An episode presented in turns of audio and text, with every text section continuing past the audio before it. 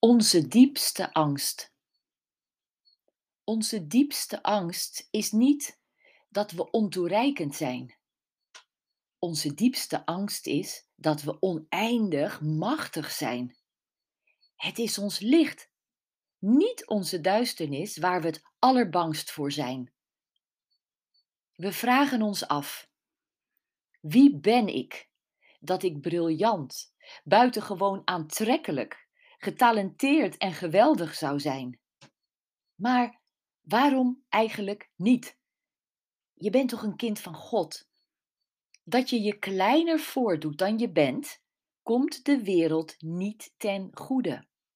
Er is niets verheffends aan je kleiner voor te doen dan je bent, opdat de mensen om je heen zich vooral niet onzeker gaan voelen.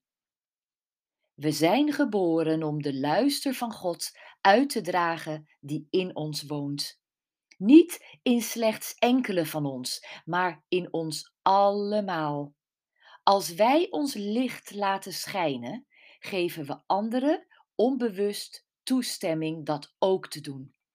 Als wij bevrijd zijn van onze angst, bevrijdt onze aanwezigheid automatisch anderen.